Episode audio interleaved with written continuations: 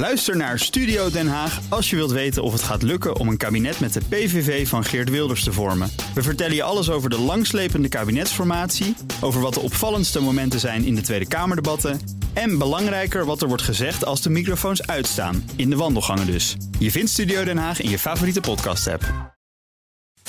De column van Bernard Hammelburg. Voor de generatie Amerikanen die de Vietnamese oorlog heeft meegemaakt, is Hanoi de stad van Ho Chi Minh, de duivelse vijand uit de vorige eeuw. De oorlog waarin 58.000 Amerikanen en meer dan een miljoen Vietnamezen sneuvelden.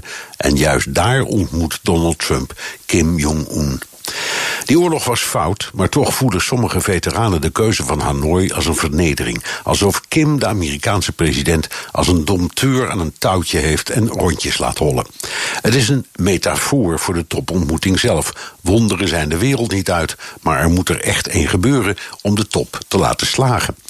Klaarblijkelijk brengt Trump een voorstel mee om de Koreaanse oorlog, die in 1953 eindigde met een wapenstilstand, formeel te beëindigen. Dat is altijd mooi, leven de vrede, maar wat betekent het precies?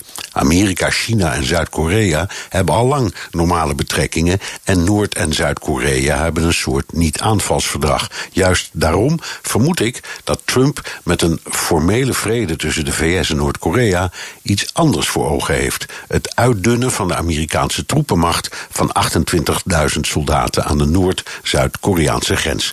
Officieel ontkent Washington, maar net als in Syrië, Afghanistan en Irak wil Trump af van het oorlogsspel in verre landen. Zuid-Korea heeft dat voornemen voorlopig kunnen tegenhouden door een deel van de kosten over te nemen, maar Trump wil er weg.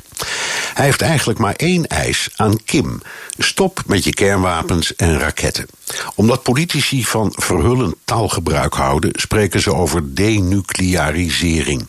Maar in de ogen van Kim is dat net even wat anders, namelijk alle kernwapens en raketten weg uit de hele regio, dus ook de Amerikaanse uit Zuid-Korea. Dat gaat niet gebeuren. Wat wel kan, is dat Kim belooft zijn wapenprogramma niet uit te breiden en te stoppen met testvluchten. Maar dan moet Amerika twee dingen doen: stoppen met militaire oefeningen met Zuid-Korea en aanmerkelijke verlichting van de sancties. Gaat allemaal niet gebeuren. Wat dan wel? Het stoppen met de kernproeven. Dat kan Kim gemakkelijk beloven, want zijn wapenprogramma is zo goed als af. En misschien ietsje minder Amerikaanse sancties.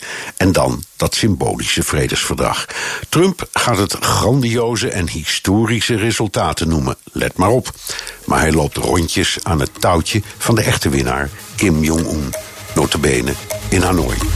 En dat zei onze buitenlandcommentator Bernard Hammelburg. Ook, eh, zoals u weet, columnist op woensdag in de ochtendspits. En als u alle columns wilt terugluisteren, kan dat ook van die, uh, uh, die van Bernard. Op bnr.nl en in de BNR-app. En daar staan ook alle podcasts in. Bij BNR ben je altijd als eerste op de hoogte van het laatste nieuws. Luister dagelijks live via internet. Bas van Werven. En heel langzaam komt de zon op rond dit tijdstip. Je krijgt inzicht in de dag die komt op BNR, het Binnenhof in Nederland en de rest van de wereld. De Ochtendspits. Voor de beste start van je werkdag. Blijf scherp en mis niets.